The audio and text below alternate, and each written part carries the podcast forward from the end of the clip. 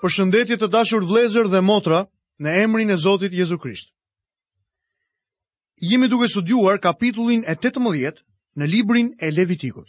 Tema e këtij kapitulli është dënimi i imoralitetit, përforcimi i urdhërimit të shtatë, hyrje në ndalimet sociale, ndalimi i marrëdhënieve seksuale me të afërmit, ndalohen disa mëkate seksuale, ndalimi i ofrimit të trashëgimtarëve Molekut, Ndalimi i seksit të shtrembëruar, kombet në Palestinë do të dëbohen për shkak të kryerjes së këtyre mëkateve.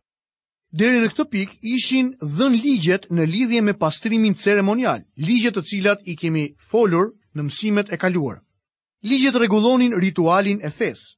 Në kapitujt 18 dhe 19 Dhe gjithashtu në kapitullin e 20 do të shohim pjesë të veçanta në të cilat aplikohen 10 urdhërimet në situatat e ndryshme të jetës. Perëndia po trajton tani aspektin moral të njerëzve të tij. Miqtë mi, dalëngadalë do të hyjmë në thelbin e situatës. Pjesa hapet me një parathënie në kapitullin e 18 nga vargu i parë deri në vargun e 5 dhe mbyllet me një poshtëshkrim formal në fund të kapitullit të 20. Ato janë shumë të rëndësishme sepse japin arsyen për frenimin dhe sistemimin e jetës sociale të njerëzve të Perëndisë. Ne po jetojmë në një ditë ku themeli moral është thyer dhe është zhvendosur. Kush i bën rregullat dhe çfarë është e drejtë dhe gabuar? Pyet skeptiku përqeshës. Hyrja dhe poshtëshkrimi na jep një shpjegim të dyfishtë. Së pari, tre herë në hyrje, vargjet 2, 4 dhe 5, fjala e Zotit thotë: Unë jam Zoti. Perëndia është ai i cili i vendos rregullat.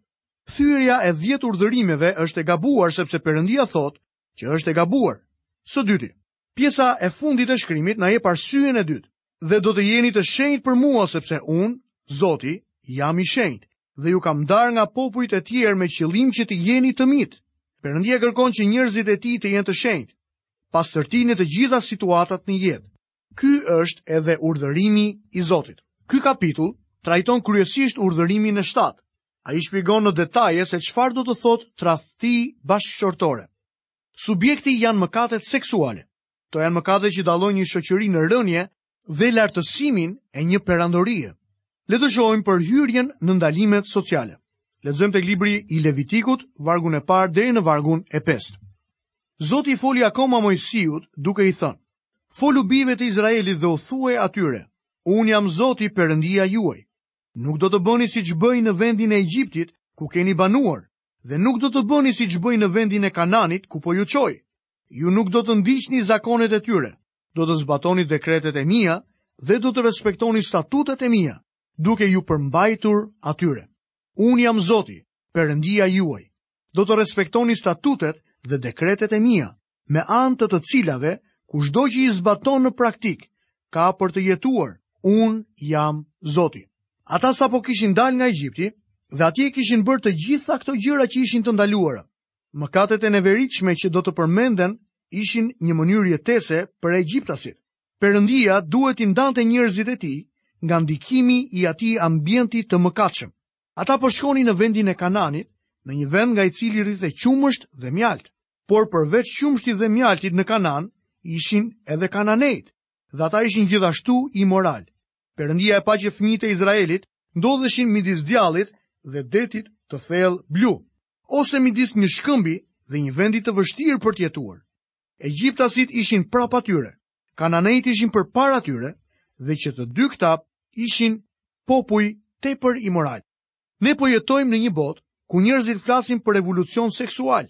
Pyes veten nëse njerëzit e kanë lexuar kapitullin e 18 të librit të Levitikut që gjendet në Bibël. Mund t'ju them me bindje se nuk ka asgjë të re në lidhje me shtrembërimin seksual. Përkundrazi, është i njëjti imoralitet i vjetër që kishin në Egjipt dhe në Kanaan, mijëra vite më parë. Perëndia thotë, unë jam Zoti Perëndia yt dhe unë jam Zoti. Kush i vendos rregullat? Perëndia. Ndoshta dikush mund të thotë, por unë nuk dua ta zbatoj atë. Po kjo varet prej teje, por Perëndia ende edhe sot vendos rregulla. Thyerja e 10 urdhërimeve është e gabuar sepse Perëndia thotë, se ajo është e gabuar. Kjo duhet të jetë e mjaftueshme për të kënaqur zemrën e fëmijës së Zotit. Skeptiku nuk do të kënaqej me asnjë argument, meqenëse ai i bën vetë rregullat e tij, dhe është Zoti i vetes. Meqenëse ra fjala, nëse ti mund të krijosh një univers të tërë dhe një sistem planetar me diellin, hënën dhe ca yje, atëherë mund të bëje dhjetë urdhërimet e tua. Por për aq kohë, sa po jeton në botën e Zotit, thith ajrin e tij, përdor rrezet e diellit të tij, pi ujin e tij, ecën në tokën e tij. Dhe nuk paguan as qera për këtë, është më mirë për ty t'i bindesh dhjetë urdhërimeve të tij. Ai na tregon se nëse ne i thyejmë urdhërimet, do të na duhet të paguajmë për të. Edhe ti do të paguash miku im. ndoshta mund të mos arrestohesh nga policia e vendit, por do të qëndrosh me siguri përpara Perëndisë një ditë. Gjërat që Perëndia tha ishin imorale atëherë dhe ende janë edhe sot. Dëgjoni se çfarë thuhet në Dhiatën e Re. Jo me pasione epshi si johebrenjtë që nuk e njohin Perëndinë, dhe që askush të mos mashtrojë ose t'ia hedhë në punë vëllait të vet, sepse Perëndia është hakmarrësi për të gjitha këto gjëra sikurse edhe ju thamë më parë dhe e dëshmuam, sepse Perëndia nuk na thirri në ndyrësi, por në shenjtërim. Më poshtë, Efesianët 4:17 deri në vargun e 19. Këtë pra po dëshmoj në Zotin, të mos ecni më si po ecin ende johebrenjtë e tjerë, në kotësinë e mendjes së tyre, të errësuar në mendje, të shkëputur nga jeta e Perëndisë për shkak të padijes që është në ta dhe ngurtësimit të zemrës së tyre. Ata duke u bërë të pandjeshëm, e dhanë veten në shthurje duke kryer çdo papastërti me lakmi të pangopur. Më poshtë 1 Korintasit 5:11 na thotë: "Por tani ju shkrova të mos përziheni me atë të ashtuquajturin vëlla që është kurvar, ose lakmues, ose idhujtar, o shpifës, O pijanec ose cub, me një të tillë, bile as të mos hani bashkë. Dy Pjetrit, një katër, me anë të të cilave na u dhuruan premtimet e çmueshme dhe shumë të mëdha, që nëpërmjet tyre të bëhemi pjesëtarë të natyrës hyjnore, duke i shpëtuar prishjes që është në botë për shkak të lakmisë. Këto pasazhe nga letrat e apostujve në Dhiatën e Re na flasin neve sot. Fëmija i Perëndisë në çdo epokë është thirrur që të jetojë i shenjtë, i pastër. A nuk e dini ju se jeni tempulli i Perëndisë dhe se fryma e Perëndisë banon në ju? Në qoftë se dikush e prish tempullin e Perëndisë, Perëndia do ta prish atë sepse tempulli i Perëndisë i cili jeni ju është i shenjtë. Thotë apostulli Pal në letrën e parë drejtuar Korintasve kapitulli 16, vargu i 17. Efesianët 1.4 Sikurse na zgjodhi në të përpara se të themelohej bota që të jemi të shenjtë dhe të papërlyer përpara tij në dashuri. Dhe së fundmi një Pjetrit një gjashtëmbëdhjetë, sepse është shkruar, jini të shenjtë sepse unë jam i shenjtë. Perëndia po na thërret në shenjtëri, ne duhet ta theksojmë shenjtërinë. Perëndia kërkon që ne të jemi të vërtetë. Ka dhe një të vërtetë tjetër të cilën nuk do doja që ju ta humbisni miqtë e mi. Shumë njerëz thonë se nëse do të arrish turmat, duhet të ulesh poshtë dhe të jetosh me ta. Ti duhet të jesh si ata. Kjo është provuar nga individualistët dhe grupet. Dhe a e dini se çfarë ka ndodhur? Ata nuk e kanë arritur turmën, por u bënë pjesë e saj. Mund t'ju them diçka. Perëndia na ka thirrur në shenjtëri. Njerëzit që kanë arritur turma për Krishtin, kanë qenë ata që e tregonin ungjillin me jetët e tyre. Për shembull, Anglia ishte një vend me të vërtetë i shkëlqyer gjatë shekullit të 18 dhe njerëzit në Angli i quanin pasuesit e John Wesley-t njerëz të shenjtë. Në fakt ata u vunë emrin metodistë, sepse metoda e tyre ishte e ndryshme nga ajo e botës. Perëndia thotë, unë jam. Dikush mund të thotë, po mirë, unë nuk jam i krishterë dhe nuk jam interesuar. Mund të të them se Perëndia po deklaron sovranitetin e tij. Perëndia e krijoi këtë univers dhe ai është i vetmi që po e drejton atë. Ai thotë, unë jam Perëndia yt. Ai është një Perëndi pajtues. Ai na njeh dhe përsëri na do. Miku im, nëse je i pajtuar me Perëndinë, ti do që ta kënaqesh atë. Fëmija i Perëndisë mund të mbushet me frymën e shenjtë në mënyrë që të mos i kryejë këto mëkate të mishit, por të prodhojë frutat e frymës. Le të shohim se çfarë Bibla në librin e Levitikut, kapitullin e 18, na tregon për ndalimin e marrëdhënieve seksuale me të afërmit. Vargu i 6. Asnjë nga ju nuk do t'i afrohet ndonjë të afërmi nga gjaku për të zbuluar lakuriqësinë e tij. Unë jam Zoti. Deklarimi i përgjithshëm është që asnjë person të mos ketë marrëdhënie seksuale me ndonjë kushëri të afërt. E gjithë kjo pjesë zgjeron urdhërimin e shtatë. Këtu i referohet personave të cilët kanë gjak të njëjtë, më tej vazhdon. Perëndia është specifik dhe arsyeja që ai jep është unë jam Zoti. Lexojmë vargjet 7 dhe vargun e 8. Nuk do të zbulosh lakuriqësinë e atit tënd apo lakuriqësinë e nënës sate. Ajo është nëna jote. Nuk do të zbulosh lakuriqësinë e saj. Nuk do të zbulosh lakuriqësinë e gruas së atit tënd Ajo është lakuriqësia e atit tënd. Kjo paralajmëron kundra incestit të neveritshëm. Ky mëkat është i përhapur në kishën e Korintit. Pali e dënoi atë me më shumë forcë dhe e konsideroi një shqetësim të madh.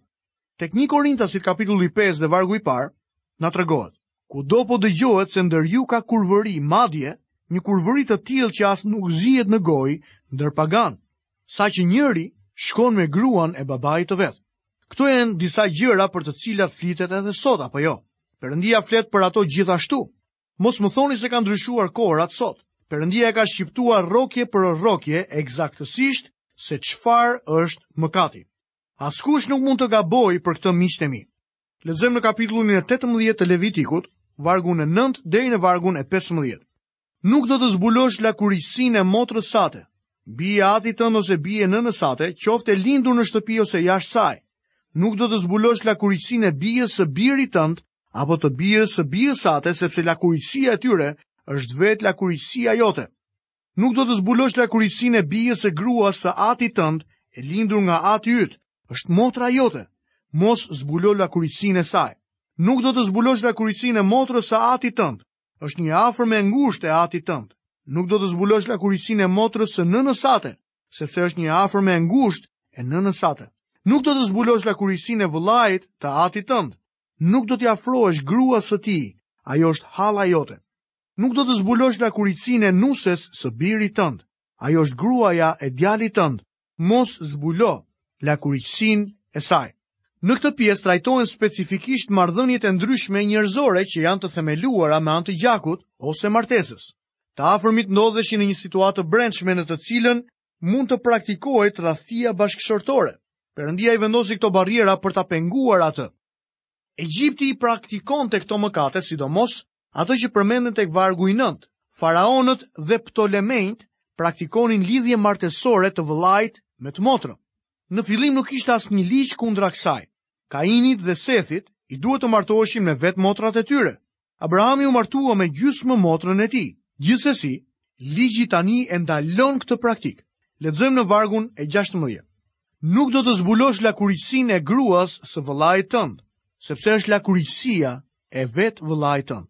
Ka një përjashtim për këtë varg dhe ky është në ligjin e shpenguesit të të afërmit tek Ligji i Përtërirë në kapitullin e 25. Le të shohim për ndalimin e disa mëkateve seksuale. Lexojmë vargjet 17 dhe vargun e 18.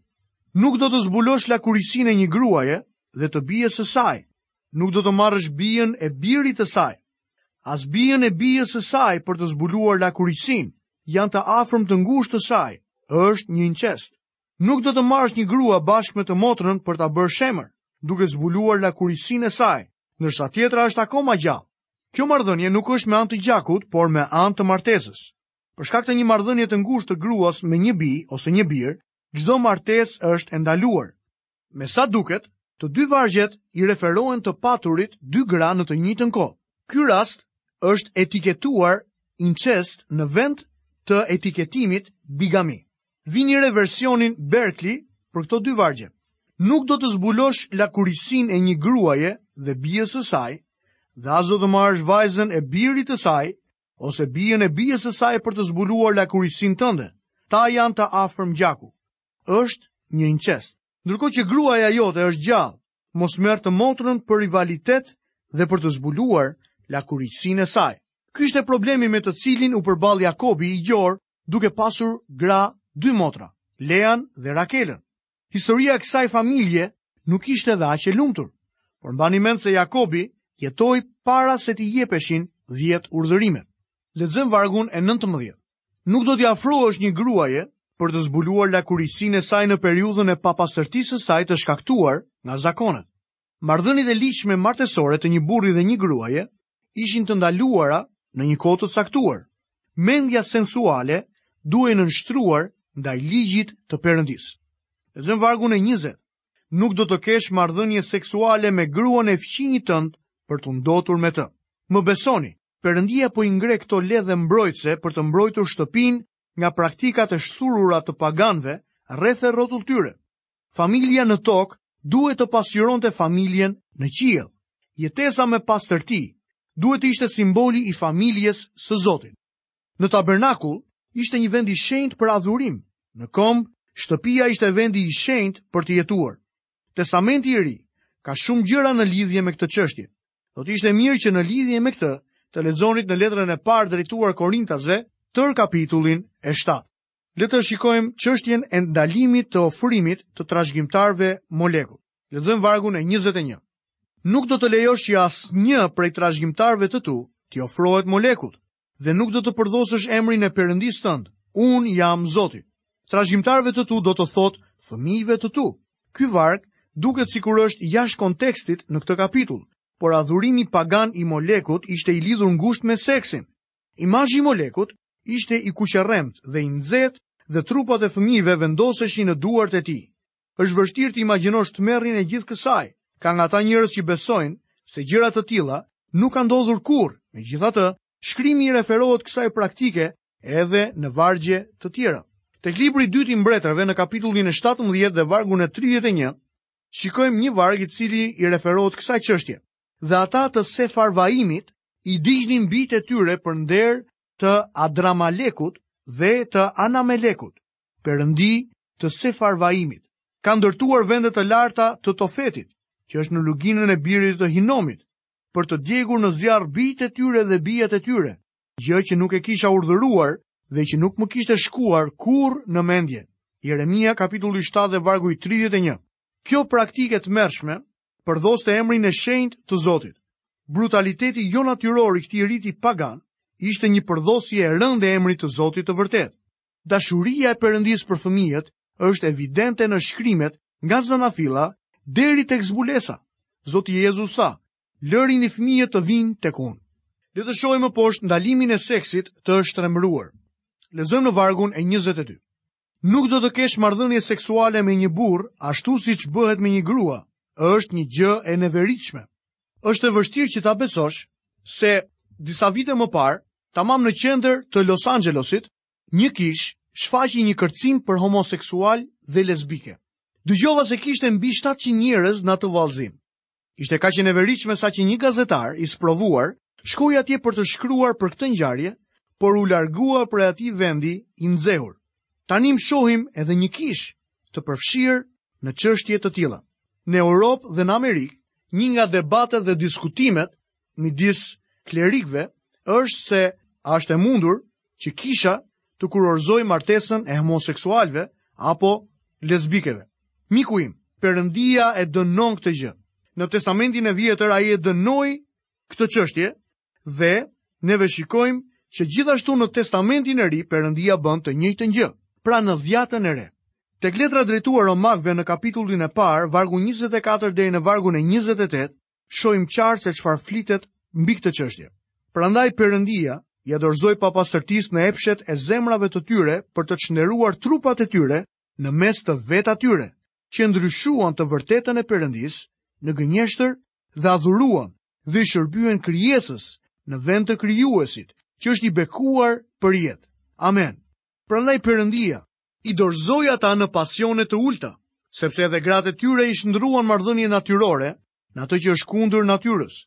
Në të njëjtën mënyrë, burrat, duke lënë marrëdhëniet e natyrshme me gruan, u ndezën në epshin e tyre për njëri-tjetrin, duke kryer akte të pandershme burra me burra, duke marrë në vetvete shpagimin e duhur për gabimin e tyre, dhe meqenëse nuk e quajtën me vend të njihnin Perëndinë, Perëndia i dorëzoi në një mendje të çoroditur për të bërë gjëra të pahijshme. Shthurja që përmendet këtu është e zakonshme në ditët e sotme. Shtetet e Bashkuara të Amerikës janë shndërruar si Sodoma dhe Gomorra. Më vjen për të qarë kur shoh rrugën në të cilën po shkon vendi im. Unë e dua këtë vend. Është vendi ku kam lindur, e urrej të shoh këtë ndotje, flliqësira dhe njerëz imoralë që na çojnë në një gjykim. Më besoni miqtë e mi, gjykimi i Zotit është tashmë mbi ne sot. Ne nuk mund të kemi paqe as në shtëpi dhe as jashtë. Përse? Nuk ka paqe për të pabesët, thotë Zoti. Lexojmë vargun e 23. Nuk do të bashkohesh me asnjë kafshë duke u ndotur me të. Gjithashtu asnjë grua të mos i afrohet një kafshe për t'u bashkuar me të. është një degjenerim i neveritshëm. Kjo është me të vërtetë e neveritshme. Praktikohej në kultet e pjellorisë dhe në adhurimin e natyrës. Shthurja gjithmonë është e lidhur me idhujtarinë në shumicën e stileve. Dhe nëse mendoni se kjo nuk praktikohet në ditët e sotme, atëherë duhet të flisni me departamentin e policisë në qytetin e Los Angelesit. Ata do të tregojnë gjithçka mbi këtë çështje. Kombet në Palestinë dëbohen për shkak të kryerjes së këtyre mëkateve. Lexojmë në vargun 24 dhe 25. Mos u ndotni me asnjë nga këto gjëra sepse me gjithë këto gjëra janë ndotur kombet që po bëhem gati t'i përzë përpara jush. Vendi është ndotur, prandaj unë do ta dënoj për paudhësinë e tij, dhe vendi do të vjellë banorët e tij. Kombet në Palestinë u dëbuan për shkak se kryenin këto mëkate të neveritshme dhe mizore. Kjo ishte arsyeja pse ata dolën nga vendi. Pse Perëndia i dëboi kananejtë nga vendi i tyre? Ja ku është arsyeja. Perëndia nuk mund ta toleronte atë që po ndodhte. Vendi i kananejve po përpihej nga sëmundjet veneriane.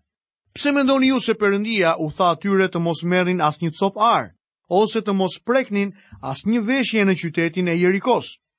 Ata ishin fajtorë për mëkatin më të ndyrë të imagjinueshëm. A nuk mendoni se Zoti i nxori ata jashtë për një arsye të mirë?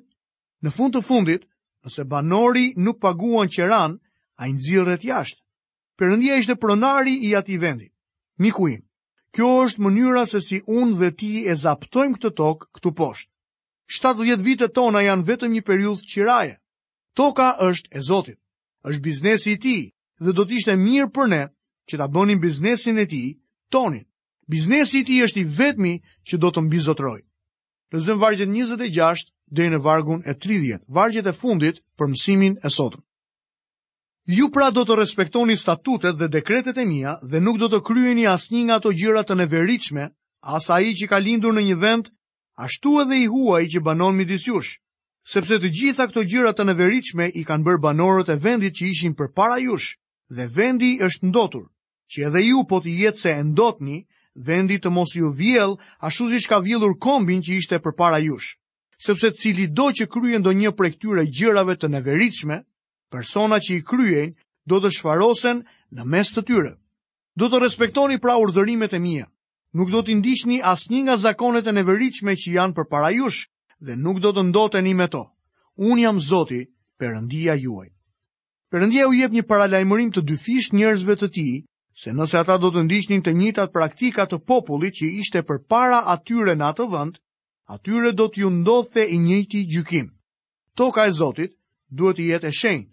Qëllimi përfundimtar i Zotit është që drejtësia, drejtësia e tij të mbulojë tokën. Të dashur dëgjues, këtu po mbyllim dhe programin e sotëm. Bashkë mirudëgjofshim në programin e ardhshëm.